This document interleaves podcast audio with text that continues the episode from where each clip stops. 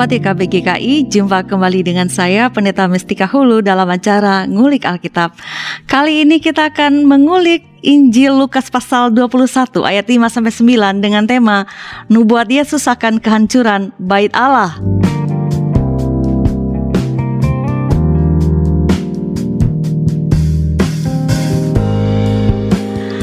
Untuk mengulik tema ini telah hadir di studio Bapak Pendeta Asigor Sitanggang THD. Halo Pak. Halo. Apa kabar? Baik. Kabarmu Terima kasih. Bagaimana? Kabar, kabar saya baik, kami semua di studio kru uh, baik. Terima kasih untuk pertama kalinya di sini uh, datang sebagai narasumber di Ngulik Alkitab. Terima kasih juga untuk undangannya.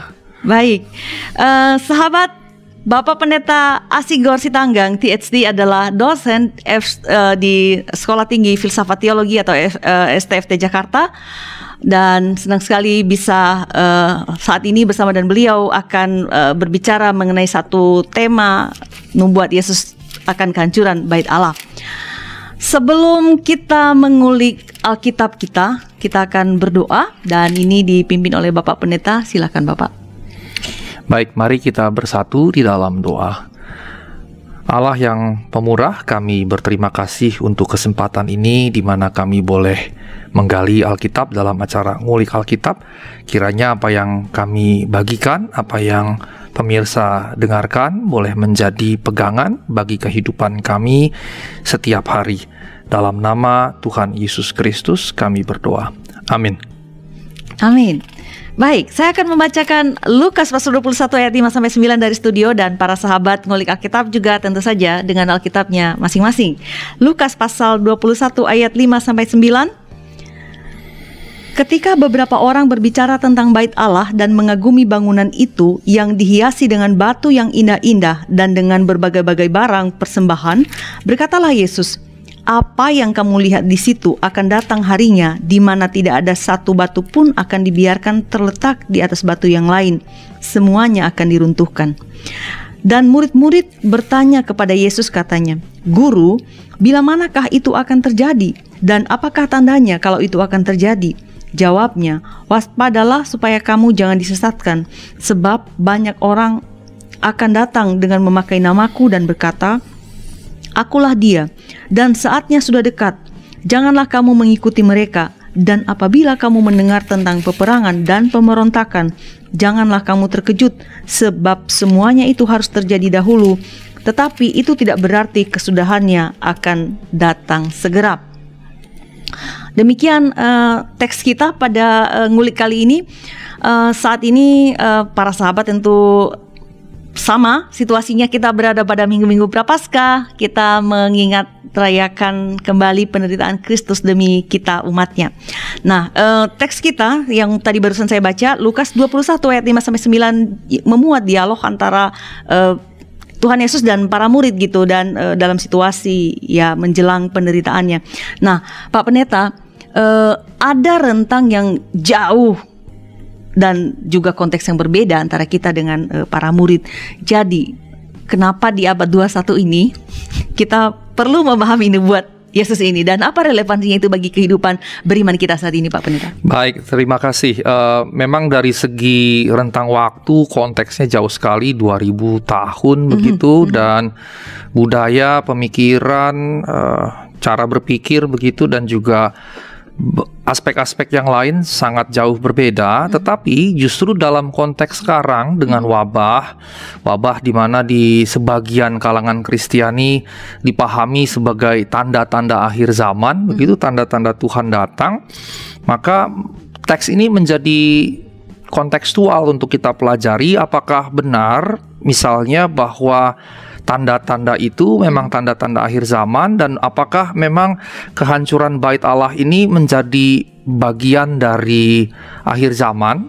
Dan ketika kita memahami nanti teksnya ini dengan tepat secara biblis kita akan tahu bahwa ternyata tidak demikian pemahamannya dan Lukas 21 ayat 5 sampai 9 membantu kita memahami lebih jauh sesuai dengan konteks kita yang di tengah wabah pandemik Covid yang begitu global ini. Oke, Pak Pendeta, apakah nanti kita hanya akan berfokus saja pada Lukas 21 uh, ayat 5 sampai 9 ini atau ada uh, apa ayat-ayat lain atau bagian Alkitab lain yang akan membantu kita untuk bisa lebih memahami apa yang dikatakan Tuhan Yesus ini? Baik, dalam teks ini hmm. Lukas uh, pasal 21 ayat 5 sampai 9 ini sebetulnya kalau kita menggunakan uh, teori dua sumber Markus begitu ya di, mar di mana Markus sebagai sumber Markus jadi rujukan di dalam uh, penyusunan Matius dan Lukas maka kita akan bisa membandingkannya dengan Markus dan Matius.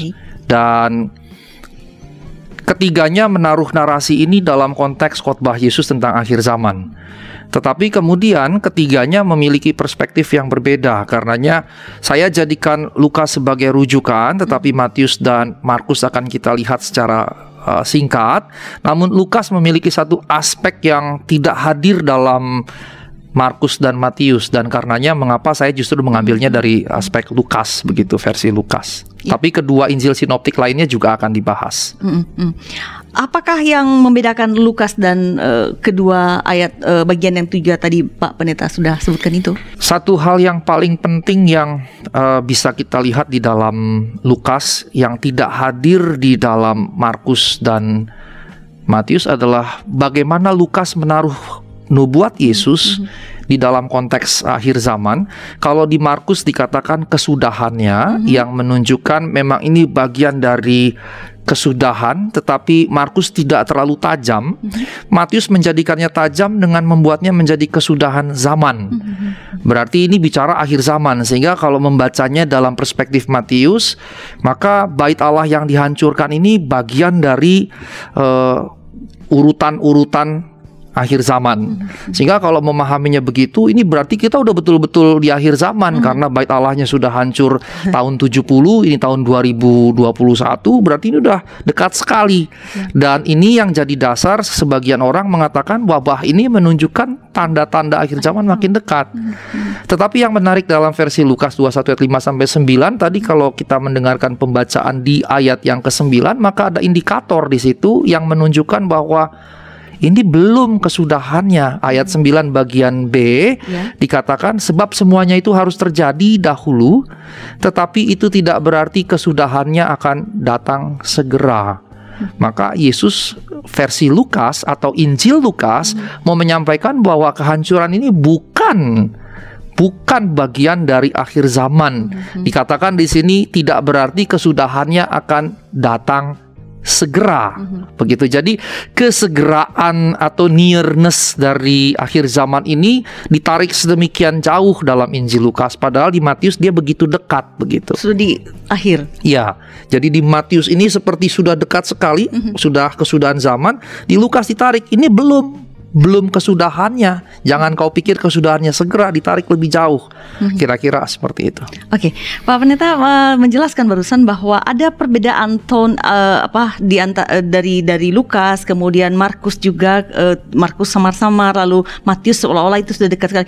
Kira-kira itu apa yang menyebabkan uh, concernnya bahwa Lukas masih jauh, Matius sudah sangat dekat, Markus masih tidak terlalu jelas. Itu kira-kira kenapa, Pak? Bisa dijelaskan karena penulisannya mm -hmm dituliskan dalam konteks yang berbeda. Mm -hmm. Pertama konteks waktu, terutama konteks waktu, mm -hmm. tapi juga konteks uh, penerima, konteks kultural. Mm -hmm. Tetapi saya akan fokus terutama dari konteks waktu. Mm -hmm. Markus itu ditulis antara 60 sampai 70 Masehi.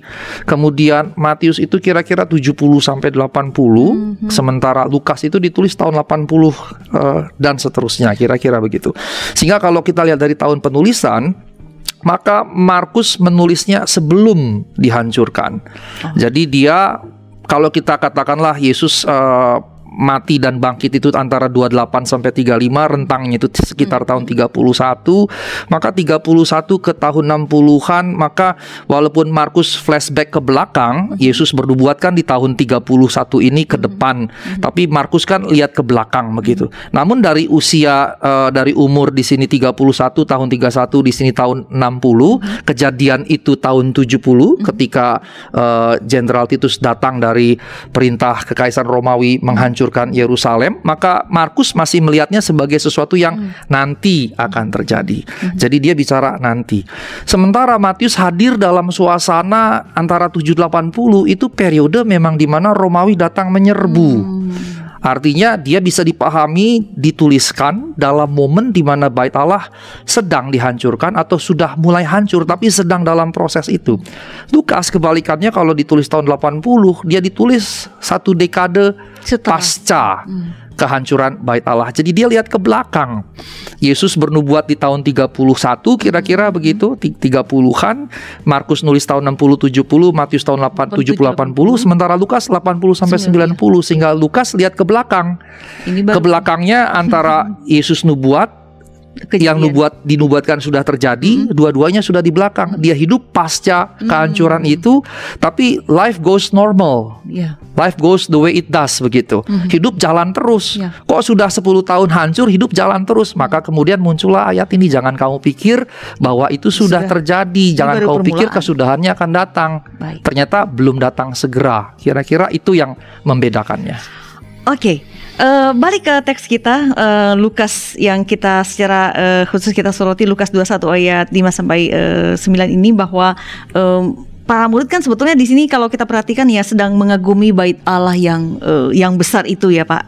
Yeah. Dan ini membuat saya jadi semacam kepo begitu. Mau nanya ke Pak Pendeta nih, kenapa sih para murid jadi kagum banget sama sama uh, bait Allah itu ada apa di sana Pak? Ya, Uh, kalau dalam versi hmm. Markus itu kan muridnya yang ngomong.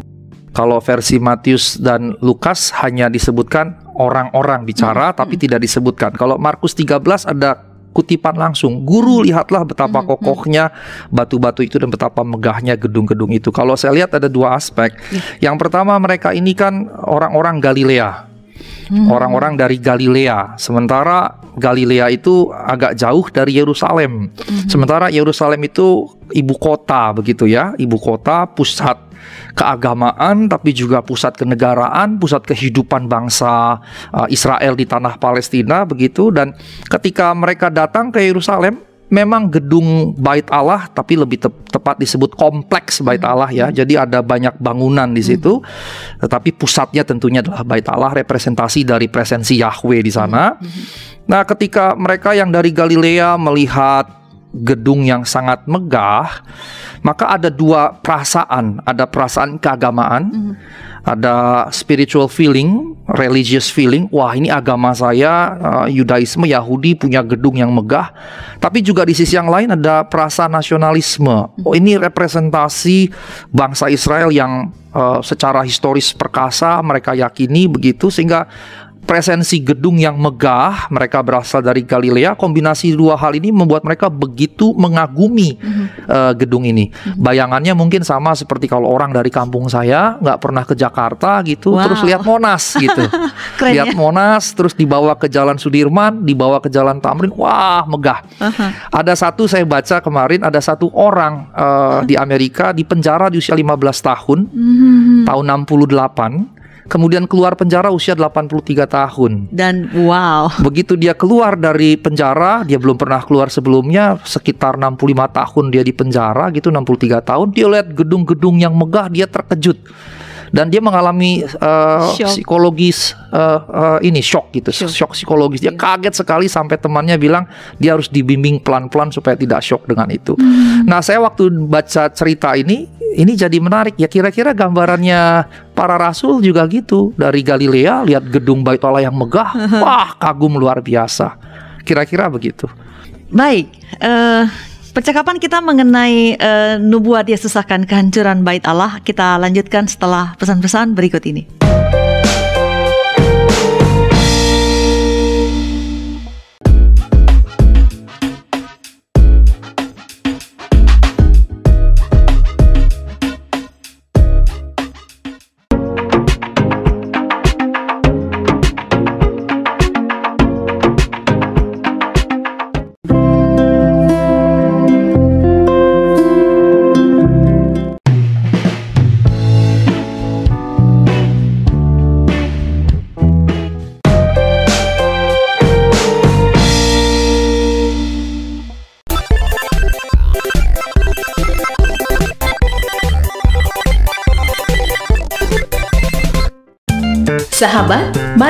pelayanan dan pekabaran Injil melalui YKB dengan membagikan link acara ini kepada sebanyak mungkin orang.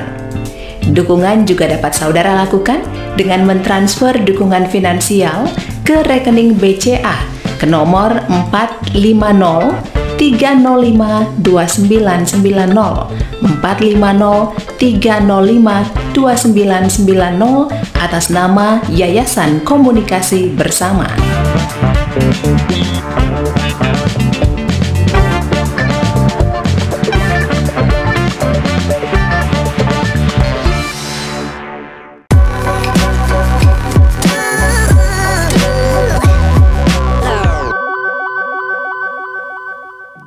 Terima kasih masih bersama dengan uh, kami di Ngulik Alkitab. Saya Pendeta Mestika Hulu dan bersama narasumber kita Bapak Pendeta Asi Gorsi Tanggang. Uh, para sahabat, saat ini kita sedang uh, mengulik Lukas pasal 21 ayat 5 sampai 9 dengan tema uh, nubuat Yesus akan kehancuran bait Allah.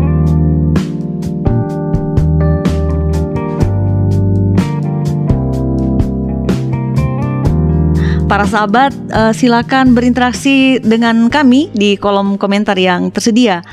Uh, Pak Pendeta, saya mau balik sedikit tadi uh, Bapak sudah sempat menyebutkan tadi uh, Markus di dalam Markus itu ada orang-orang yang berkata kepada Yesus Guru, lihatlah betapa kokohnya batu-batu itu dan betapa megahnya gedung-gedung uh, gedung-gedung itu gitu.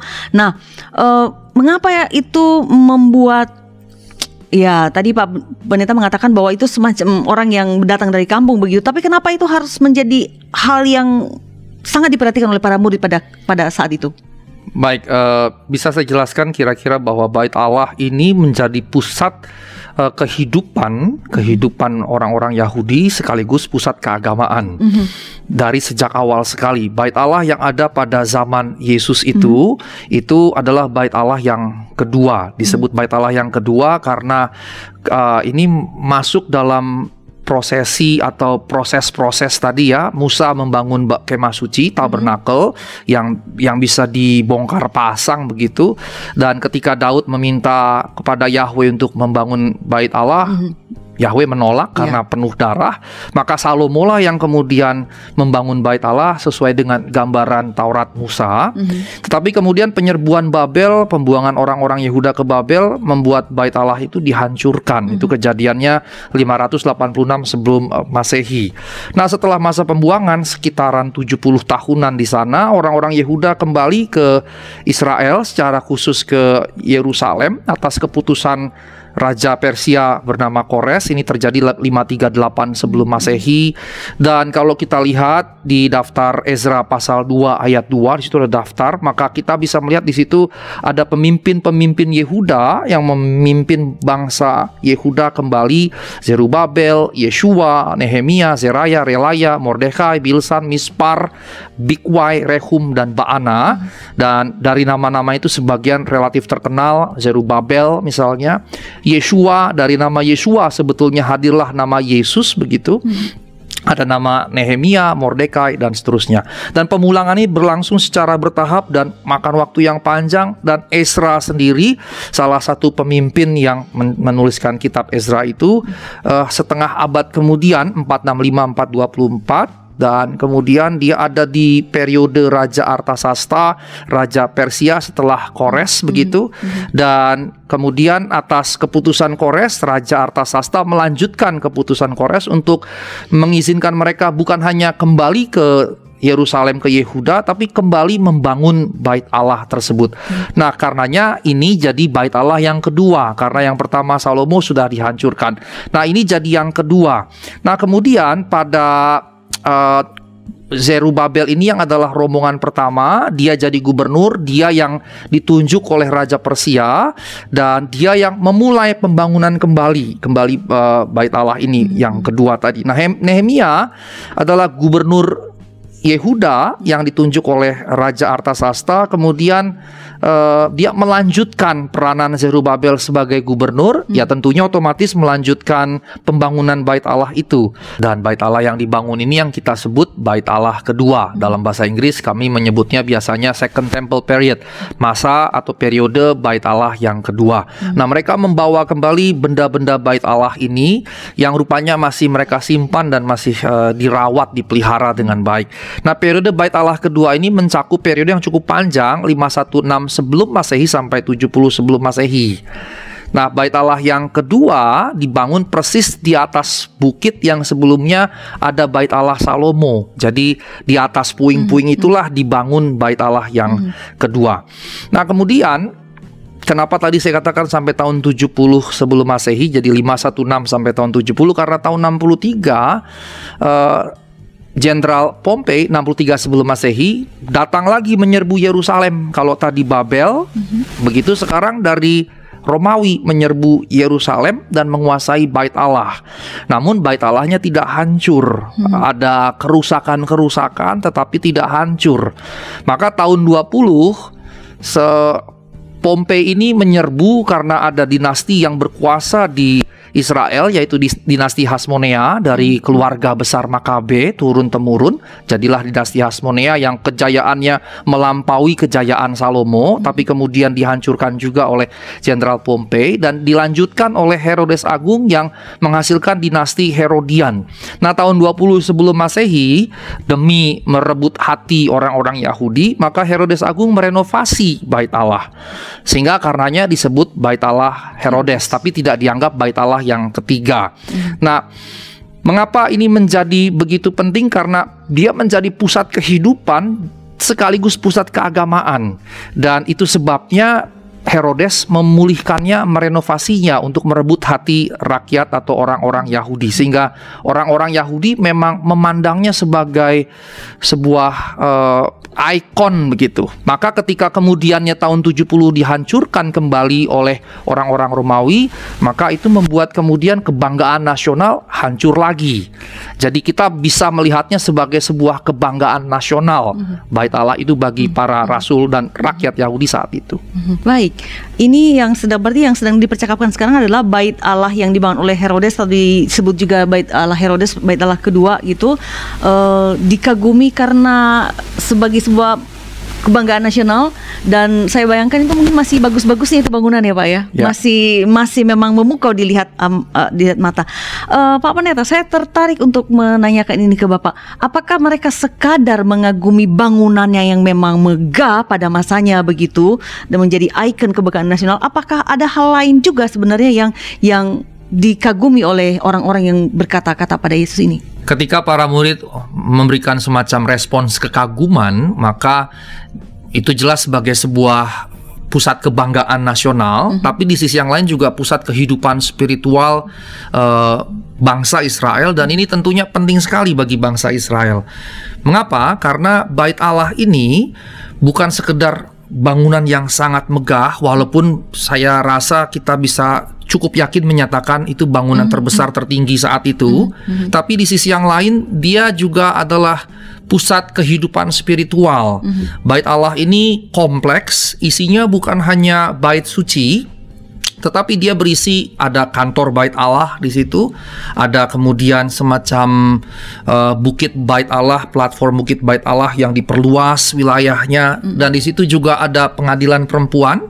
Jadi perempuan kalau melakukan pelanggaran-pelanggaran Taurat di, diadili secara khusus namanya Ezrat Hanashim. Mm. Kemudian juga ada pengadilan orang Israel khusus untuk pria laki Yahudi yang murni untuk ritual jadi khusus untuk pelanggaran-pelanggaran ritual. Hmm. Kemudian ada lagi khusus pengadilan untuk para imam. Jadi kalau imam melanggar maka diadili uh, di situ. Ada lagi uh, bait Allah secara khusus, kemudian adalah pengadilan bait suci atau azarah, hmm. baru kemudian bait suci uh, itu sendiri.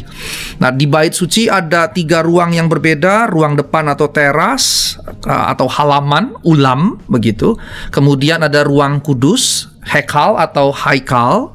Kemudian ada bagian utama Maha Kudus, -hmm. Kodes Hakodashim, begitu.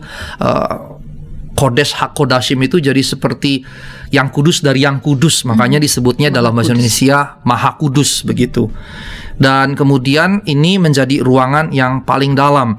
Dari rincian ruangan-ruangan yang ada dengan pengadilan-pengadilan, dengan kantor, kemudian pusat dari kompleks itu adalah uh, bait Allah sendiri, maka memang ini menjadi semacam pusat kehidupan nasional sekaligus kehidupan keagamaan orang-orang Yahudi dan kalau kita lihat versi Markusnya maka dalam versi Markus Yesus berdoa di Markus pasal 13 ayat 3 Yesus ke Bukit Zaitun dan berdoa menghadap bait Allah jadi bait Allah juga menjadi semacam kiblat kalau seseorang ada di Yerusalem, maka berdoa menghadap Bait Allah. Kalau dia ada di Nazaret, dia menghadap Yerusalem. Hmm. Jadi seperti kiblat. Jadi bisa dibayangkan bahwa memang ini bermakna sama sekali besar, luar biasa besar bagi orang-orang uh, Yahudi saat hmm, itu. Hmm, Kira-kira begitu. Baik, uh, iya kekagumannya berdasar bangunannya memang megah begitu memukau dan uh, sebagai sebuah simbol kehadiran Allah begitu ya, ya Pak ya. Nah, saya jadi ingin bertanya nih Pak. Lalu ini orang banyak nih, termasuk murid-murid kagum banget lah bilang wow kalau istilah kita ya. sekarang itu. Tuhan Yesus ikutan wow nggak sih Pak? Mestinya bangga dong Pak, bait Allah loh Pak, sekeren itu. Atau gimana Pak? Nah ini pertanyaan menarik sekali. Kira-kira Yesus ikut bangga nggak ya kalau kita lihat waktu uh, bait Allah dicemari dengan penjual-penjual uang, penukar uang, ada penjual uh, burung-burung merpati begitu ya untuk dipersembahkan ke bait Allah. Yesus mengobrak-abrikan bait Allah. Hmm. Maka nampaknya ada kesamaan, hmm. ada kesamaan bahwa baik para murid dan orang Israel secara keseluruhan maupun Yesus sama-sama punya sikap hormat terhadap bait Allah. Tetapi tetap ada ada perbedaan yang kentara. Hmm. Kalau para murid mengekspresikan sebuah kebanggaan sebagai uh, seorang Yahudi, kebanggaan nasional, pride begitu ya. Yeah. Tapi Yesus melihatnya sebagai rumah Bapa. Makanya hmm. dia waktu mengobrak-abrik meja itu dia berkata kamu menjadikan rumah, rumah bapakku, bapakku sarang penyamun. Iya. Jadi dia menaruh itu sebagai rumah bapaknya, hmm. aspek spiritualitas yang ditekankan sementara okay. para murid aspek pride yang iya. ditekankan. Nah, ketika Tuhan mendengar mereka merespons itu Uh, Tuhan merespons apa yang kamu lihat di situ hmm. akan datang harinya di mana tidak ada satu batu pun akan dibiarkan terletak di atas batu yang lain semuanya akan diruntuhkan. Hmm. Nah ini bayangkan respons para murid yang Tuhan luar biasa. Terus hmm. bilang hmm, lihat aja nanti ini bakalan hancur. Kira-kira kalau gereja kita yang besar begitu kemudian kita mengekspresikan kekaguman kita pada seseorang terus seseorang berkata begitu kira-kira marah pasti gimana? Pak. nah kira-kira begitulah respons uh, para rasul dapat kita bayangkan. Nah karenanya ini sangat mengejutkan bagi para rasul bangunan yang menggambarkan nasionalisme sekaligus kebesaran keagamaan mereka Justru Tuhan bilang akan dihancurkan bahkan tidak ada batu di antara batu lagi, rata begitu. Nah, karenanya mereka langsung bertanya, kapan bagaimana itu akan hmm, hmm, hmm. terjadi? Hmm, hmm. Pak, saya mau merespon yang Bapak bilang itu Tuhan Yesus tuh malah mengatakan gitu ya merespon kekaguman uh, orang-orang atau para murid itu dengan mengatakan lihatlah akan datang waktunya begitu akan uh, bahwa ini bangunan ini tidak akan ada yang tersisa begitu. Saya mau bilang nih Tuhan Yesus kok nggak asik banget sih Pak gitu orang lagi gembira begitu tapi kegembiraannya malah nggak direspon sama Tuhan Yesus malah seolah-olah tanda kutip gitu dirusak. Nah uh, supaya ini tidak menjadi apa ya tidak disalahpahami begitu sebenarnya kenapa sih Tuhan Yesus meresponi demikian? Baik, pertama untuk yang Yesus nggak asik dulu. Hmm. Uh, Yesus nggak asik. Menurut saya justru asik begitu. Yesus tidak seperti tidak mau nurut, tidak mau mengikuti hmm. point of argumentnya para para murid. Ya, Para murid bilang begini, Yesus nggak mau nggak mau mengikuti. Jadi Yesus hmm. itu bukan follower Yesus bukan follower, Yesus justru jadi trendsetter hmm. begitu. Dan bagi saya secara personal ini jadi baik kita sebagai orang percaya juga tidak boleh hmm. jadi sekedar follower begitu ya. Nah, eh, yang berikutnya ketika Tuhan bilang begitu di Markus 13 ayat 4 eh, dijelaskan bahwa para murid kemudian bertanya, jadi hmm. bagaimana dengan kesudahannya dan para murid karenanya memahami ini bagian dari kesudahan para murid berpikir kalau ini dihancurkan berarti kesudahan atau mm-hmm. akhir zaman. Makanya dia mereka bertanya, bagaimana kesudahannya? Pantasun telestai, mm-hmm. kesudahannya. Tetapi kemudian eh, ketika Markus hanya bertanya, jadi apakah ini bagian dari kesudahannya? Terus bagaimana ini kesudahannya? Seperti apa? Para murid kepo gitu, pengen tahu. Uh, kira-kira ini bagaimana karena isu akhir zaman juga berkembang di situ hmm. karena teks-teks yang bersifat eskatologis dan apokaliptik juga hadir pada zaman itu. Hmm. Nah, yang lebih menarik lagi adalah ketika Matius menuliskan versinya dari hanya kesudahan, hmm. pantasun teleistai, kesudahan kesudahan ini kan bisa dipahami kesudahan bangsa Israel, bisa juga dipahami kesudahan uh, dunia, tapi bisa juga dipahami sebagai kehancuran uh, yang apokaliptik begitu. Tapi di Matius 24 ayat 3 dijadikan kesudahan dunia. Mm -hmm. Tus ayonas, kesudahan semua, kesudahan zaman. Kira-kira begitu. Tu ayonos itu kesudahan zaman. Mm -hmm. Jadi Matius betul-betul menaruh pertanyaan para rasul dalam konteks akhir zaman. Hmm. Jadi bagi Matius ini berarti akhir zaman begitu. Namun memang ditegaskan di di dalam teks kita dalam teks Lukas yang jadi rujukan kita hmm. ini tidak dipahami sebagai akhir zaman. Lukas meniadakan pertanyaan itu. Lukas meniadakan diskursus tentang akhir zaman. Pertanyaan mereka dalam versi Lukas hanya berkata bila mana itu akan terjadi atau kapan. Bila mana itu bisa kapan tapi maksudnya kira-kira dalam momen-momen seperti apa dia akan terjadi. Terus minta tanda, semeyon, tandanya apa itu akan terjadi. Nah, di Lukas 21 ayat 7 itu ditanyakan. Lukas karenanya menghilangkan gagasan akhir zaman dari narasi nubuat kehancuran bait Allah. Dengan kata lain, dalam konteks Lukas di sini, kehancuran bait Allah bukan bagian dari akhir zaman. Jadi dia menarik jauh sekali ini bukan bagian dari hmm. akhir zaman. Baik. Kehancuran bait Allah yang disebutkan oleh Lukas 21 ini bukanlah bagian dari akhir zaman. Kalau bukan itu, lalu apa? Nantikan sesaat lagi setelah pesan-pesan berikut ini.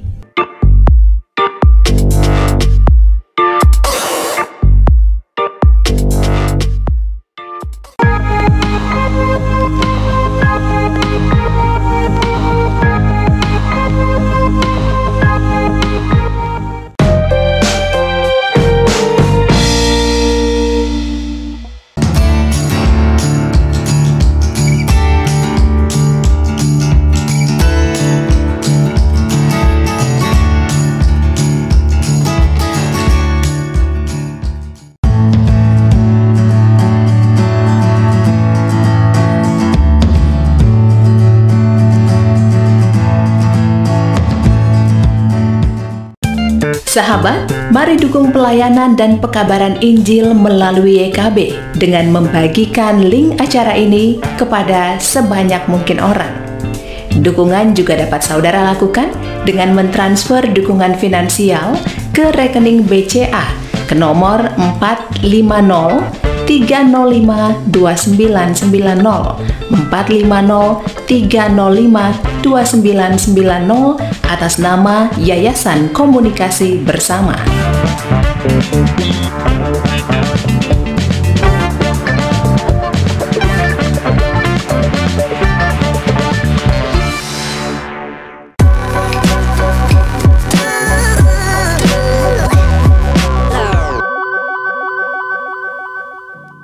Terima kasih masih bersama kami dalam acara Ngulik Alkitab di kanal YouTube YKB GKI TV. Saya Pendeta Mestika Hulu dan narasumber kita Bapak Pendeta Asigor Sitanggang. Kita mengulik Lukas 21 ayat 5 sampai 9 dengan tema Nubuat Yesus akan kehancuran bait Allah.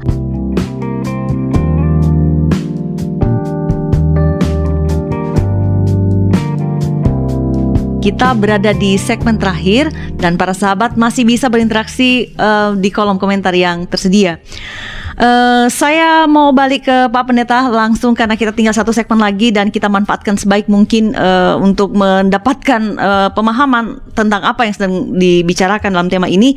Uh, Pak Pendeta tadi di penghujung segmen kedua mengatakan bahwa um, Lukas uh, 21 yang menjadi uh, rujukan kita membicarakan uh, tema ini, uh, kehancuran bait Allah yang dikatakan di sana bukan merujuk menunjuk pada akhir zaman sebagaimana dipahami oleh Matius begitu. Ya. Nah, kalau bukan demikian Pak, lalu apa dong? Kalau bukan kehancuran uh, akhir zaman. Baik, jadi begini. Waktu Yesus bernubuat tadi di awal saya katakan tahun 30, Yesus melihat ke depan. Hmm. Yesus melihat ke depan, tetapi ketika Markus, Matius, Lukas menuliskannya, maka mereka menuliskan nubuat Yesus ke belakang hmm. karena sudah disampaikan. Tetapi waktu Markus bercerita tentang nubuatnya, nubuatnya belum terjadi walaupun sudah disampaikan Yesus sekitar 30 tahun lebih sebelumnya. Waktu Matius menulisnya, Matius ada dalam suasana penghancuran hmm. itu. Sementara Lukas waktu menulis sudah pasca kehancuran sehingga otomatis dalam pemahaman refleksi teologis Lukas suasananya uh, sudah pasca penghancuran tetapi masuk dalam kehidupan normal kembali. Mm -hmm. Nah, pernyataan Yesus kemudian dalam Lukas ditegaskan bahwa itu barulah awal mm -hmm. yang mesti diperhatikan dengan seksama. Dan di dalam ayat yang 9 dikatakan di sini bahwa tidak berarti kesudahannya akan datang segera hmm. atau kalau kita ubah kalimatnya berarti kesudahannya masih akan lama sekali hmm. uh, datang.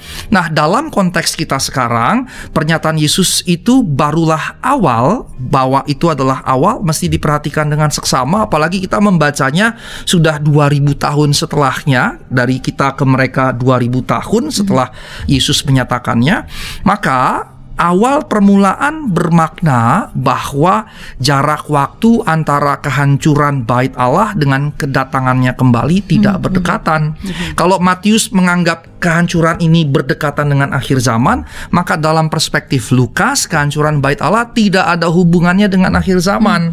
Sehingga dia sesuatu yang terpisah. Tetapi ketika dia masuk dalam rangkaian khotbah akhir zaman uh, Lukas, maka Lukas berarti membangun pemahaman akhir zaman itu panjang lagi masih.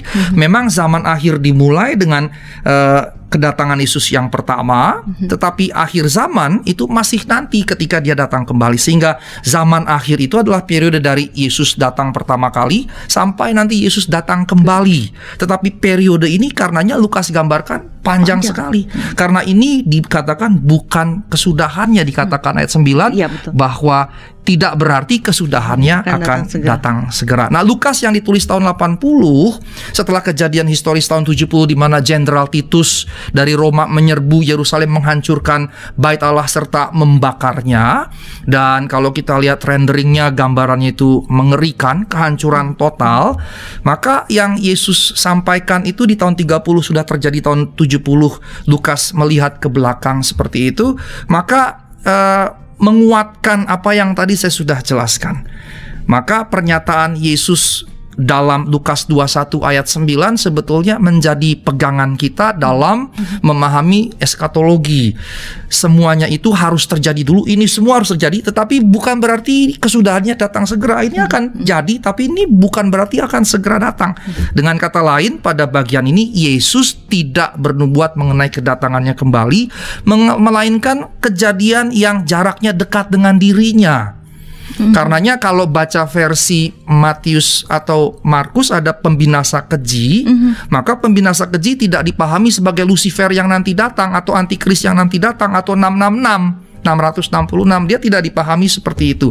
Dan kemudian uh, karena kita tidak memahami seperti itu, maka uh, kita harus memisahkan dia dari eskatologi tadi. Nah, rentang akhir zaman dalam khotbah uh, zaman akhir Yesus kita pahami waktu yang sangat panjang sekali dan dari Yesus datang pertama kali sampai mm-hmm. Yesus nanti datang kembali rentang yang sangat panjang maka kalau kita bertanya zaman akhir dimulai kedatangan Yesus berakhir pada akhir zaman yaitu kedatangannya kembali nanti pertanyaannya kapan maka kita bisa bilang tidak tahu. Tidak tahu. Sehingga karenanya berdasarkan ini bahwa kita memahami itu uh, bukan bagian dari akhir zaman dan Tuhan sendiri hmm. mengatakan hmm. rentangnya sangat panjang, maka kita tidak bisa menyatakan tanda apa pun sebagai tanda hmm. akhir zaman. Hmm. Termasuk karenanya dalam konteks wabah kita sekarang, begitu. Ya. Wabah sekarang tidak bisa kita pahami sebagai uh, tanda-tanda akhir zaman. Tanda akhir zaman. Hmm. Hmm. Sebaliknya kemudian kalau kita kaitkan dengan Yohanes 2 ayat 19 di sini kemudian kita melihat signifikansi kenapa Tuhan bilang ini nanti akan rubuh, hmm. akan dihancurkan. Di Yohanes 2:19 Tuhan bilang begini, rombak bait Allah ini. Dalam tiga hari aku akan mendirikannya kembali. Dan perkataan ini kemudian digunakan oleh saksi-saksi palsu di pengadilan mahkamah agama yang dipimpin oleh imam besar Kayafas. Dan saksi-saksi ini dihadirkan untuk bersaksi palsu, hmm. untuk menuduh Yesus supaya ada legal standing untuk menghakimi Yesus. Tapi ternyata teks Alkitab mengatakan tidak bisa uh, menghakimi, menghukum hmm. Yesus karena saling bertentangan satu dengan yang lain. Nah, Rasul Yohanes menegaskan kemudian atas apa yang Yesus katakan, yang Yesus maksud adalah dengan membangun kembali bait Allah adalah tubuhnya sendiri, korpus Kristi. Dan pertama-tama ini bicara kebangkitan, tetapi kemudian ini bicara gerejanya. Jadi dia bicara pertama-tama kebangkitannya nanti, tiga hari ini dia akan bangkit, mm -hmm. tapi kebangkitan itu juga kemudian merujuk pada gereja, karena gereja kemudian yang melanjutkan misi Kristus sebagai tubuh Kristus di tengah dunia ini. Mm -hmm. Baik, um, apa yang dijelaskan oleh uh, Lukas karena Lukas kan tadi Bapak jelaskan bahwa Lukas ini ditulis di tahun uh, di era sekitaran tahun 80 sampai 90 sebenarnya Yesus sendiri kan sudah tidak ada tapi yeah. ditempatkan seolah-olah Tuhan Yesus masih ada ketika ini ditulis dan Lukas melihatnya bahwa oh ini baru permulaan begitu dan kemudian uh, Injil Yohanes menjawab bahwa apa yang disampaikan Tuhan Yesus uh, tentang apa yang akan di, dihancurkan itu adalah justru uh, kebangkitannya tubuhnya sendiri kebangkitannya.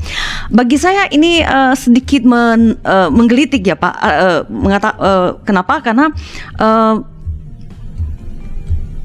dalam artian begini, kok seperti agak nggak nyambung ya ketidaksambungannya di sini bahwa uh, para murid kan meng, sedang mengagumi sebuah bangunan begitu yang sangat megah ikon nasional bahkan juga menjadi simbol spiritual begitu kan tadi Pak Pendeta mengatakan ketika berdoa pun bahkan orang menghadap berkiblat ke arah bait suci begitu tetapi uh, kenapa pertanyaan atau kekaguman para murid itu dan kemudian pertanyaan mereka kapan itu tidak dijawab langsung aja sih Pak? Kenapa seolah-olah kayak muter-muter, kayak nyambung? Ada maksud khusus nggak sih kenapa Tuhan Yesus harus me menjelaskan dan cara demikian Pak? Ya, artinya Yesus bermaksud sebetulnya uh, secara tegas di situ mm -hmm. mengalihkan mm -hmm. pemujaan uh, kepada Allah wow. dalam bait Allah kepada pemujaan kepada Allah hmm. melalui Kristus. Baik. Sehingga pemujaan kepada Allah dalam bait Allah hanya terfokus pada ras tertentu, hmm. uh, kemudian tempat tertentu, negara tertentu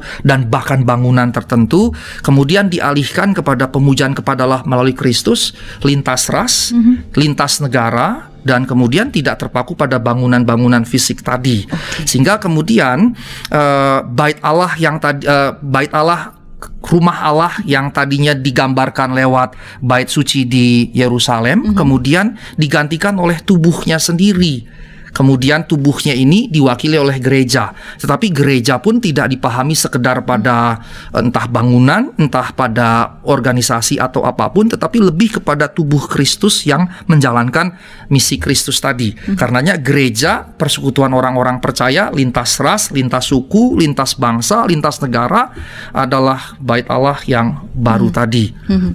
Nah, karenanya gereja secara kolektif. Saya hmm. tidak bicara gereja secara individual, bukan hmm. kita orang per orang.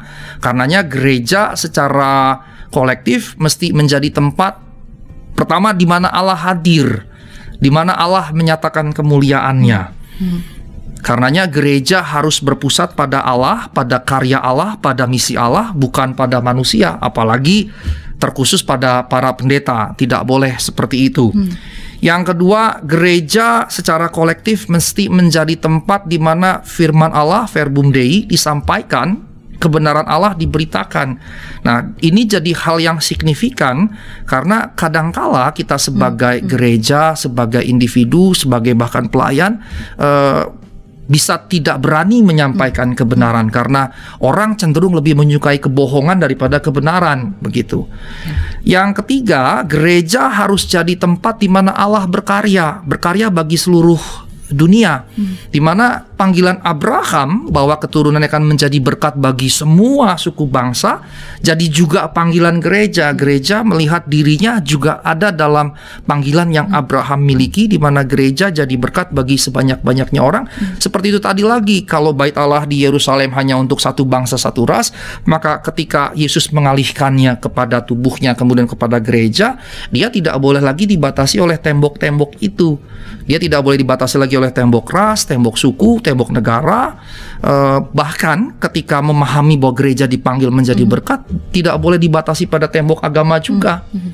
Baik, jadi uh, gereja memiliki tugas yang uh, besar atau bagaimana Pak di dunia ini untuk meng menyatakan tentang uh, bait Allah dalam artian Kristus? Ya, uh, gereja karenanya punya beban yang yang besar sekali di hmm. mana hmm. bait Allah yang di Yerusalem tadi hmm. memiliki berbagai macam fungsi tadi, hmm. terutama adalah kehadiran Allah, kemuliaan Allah dinyatakan di situ, maka sebetulnya kemudian gereja juga harus menjalankan fungsi tadi. Gereja harus menjalankan fungsi menyatakan kehadiran Allah, kemuliaan Allah tetapi kalau ini tadi hanya fokus pada satu suku, satu mm-hmm. bangsa, satu negara, ini tidak boleh lagi ada tembok-tembok pembatas. Bahkan tadi di terakhir saya katakan bahkan ketika memahami sebagai uh, dalam dalam konteks panggilan Abraham, gereja memiliki panggilan Abraham, maka dia harus memahaminya dalam konteks tanpa batas agama sekalipun gereja harus bersedia jadi berkat bahkan bagi yang beragama berbeda dengan Kristen misalnya seperti itu. Baik gereja menjadi berkat bagi semua. Ya. Um, sahabat, kita uh, tiba di penghujung ngulik Alkitab episode ini. Uh, tentu kita berterima kasih kepada Bapak Pendeta Asigor Sitanggang atas kesediaannya menjadi narasumber di ngulik Alkitab kali ini. Uh, kiranya apa yang kita bincangkan boleh menjadi uh, berkat yang memperluas uh, cakrawala berpikir kita uh, memahami apa sih sebenarnya yang uh, yang dikatakan oleh teks-teks kita dan kemudian uh, dengan pemahaman yang baik kita dapat uh, relevansikan dalam kehidupan kita sehari-hari. Uh, sahabat, beberapa hal perlu kita uh, ya katakanlah uh, semacam um, garis bawahi dari uh, ngulik kita kali ngulik kita kali ini. Pertama bahwa untuk memahami nu, apa yang uh, tema kita nubuat Yesus akan kehancuran bait Allah tentu ini kita melihatnya dalam sebuah kerangka uh, pemikiran yang uh, utuh bukan hanya sekadar dalam uh, Lukas tadi. Uh, ada beberapa bagian Alkitab yang menolong kita untuk memahami bahwa uh, ini uh, berbicara tentang sesuatu yang uh, bukan tentang bangunan sebetulnya tetapi berbicara mengenai uh, tubuh Kristus dan kebangkitannya. Uh, Kedua bahwa kita diingatkan uh, bahwa bait Allah yang sesungguhnya adalah uh, Yesus Kristus begitu. Dengan memiliki pemahaman itu maka kalau dulu um, pemujaan itu dilakukan terbatas pada tempat tertentu dan oleh segolongan orang tertentu ketika bait uh, Yesus Kristus adalah uh, bait Allah itu menjadi menjadi pusat kehidupan kita menjadi uh, pusat kita berjumpa dengan Allah dan uh, tadi Pak Pendeta mengatakan bahwa um, bait Allah sebagai lambang kehadiran Allah digantikan oleh tubuh uh, tubuhnya sendiri dan kita gereja mewakilinya. Nah, karena itu mengantarkan kita pada ketiga bahwa uh, gereja juga dalam tugasnya menyatakan tentang uh, Kristus itu gereja tidak berpusat pada dirinya sendiri begitu, tetapi berpusat pada Kristus yang adalah uh, bait Allah itu. Jangan juga berpusat pada lembaga tadi Pak Pendeta menyebut jangan pada pendeta atau tokoh-tokoh yang dianggap uh, apa memiliki semacam uh, karisma karisma atau uh, kesalehan seperti itu. Kita diingatkan melalui uh, episode ini ngulik Alkitab kali ini bahwa gereja uh, hadir di dunia ini untuk menjadi berkat Allah bagi sebanyak-banyaknya orang dengan dan hanya berpusat kepada Kristus yang adalah Tuhan kepala gereja itu sendiri. Uh, sahabat, tuntas sudah jumpa kita pada episode kali ini.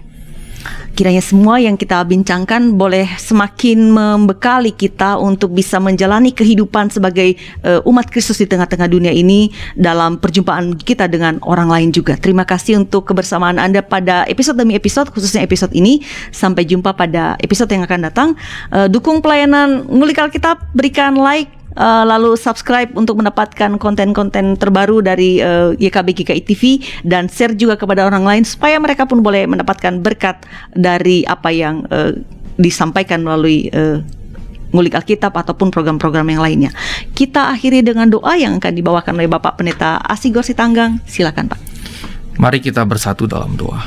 Kami belajar bahwa kehancuran bait Allah bukanlah tanda dari akhir zaman, dan biarlah kami juga belajar untuk tidak mencari-cari tanda-tanda akhir zaman, tetapi biarlah kami justru tenggelam dalam melaksanakan tugas misi Allah, kami secara kolektif sebagai tubuh Kristus. Biarlah kami menghidupi apa yang kami dengar dan kami pelajari pada saat ini. Demi nama Kristus, kiranya Engkau memberkati setiap para pendengar di mana pun mereka berada, dan juga kanal ini juga GKI dengan semua gerak-gerik langkah pelayanan yang dikerjakan. Segala kemuliaan hanya bagi Allah. Amin.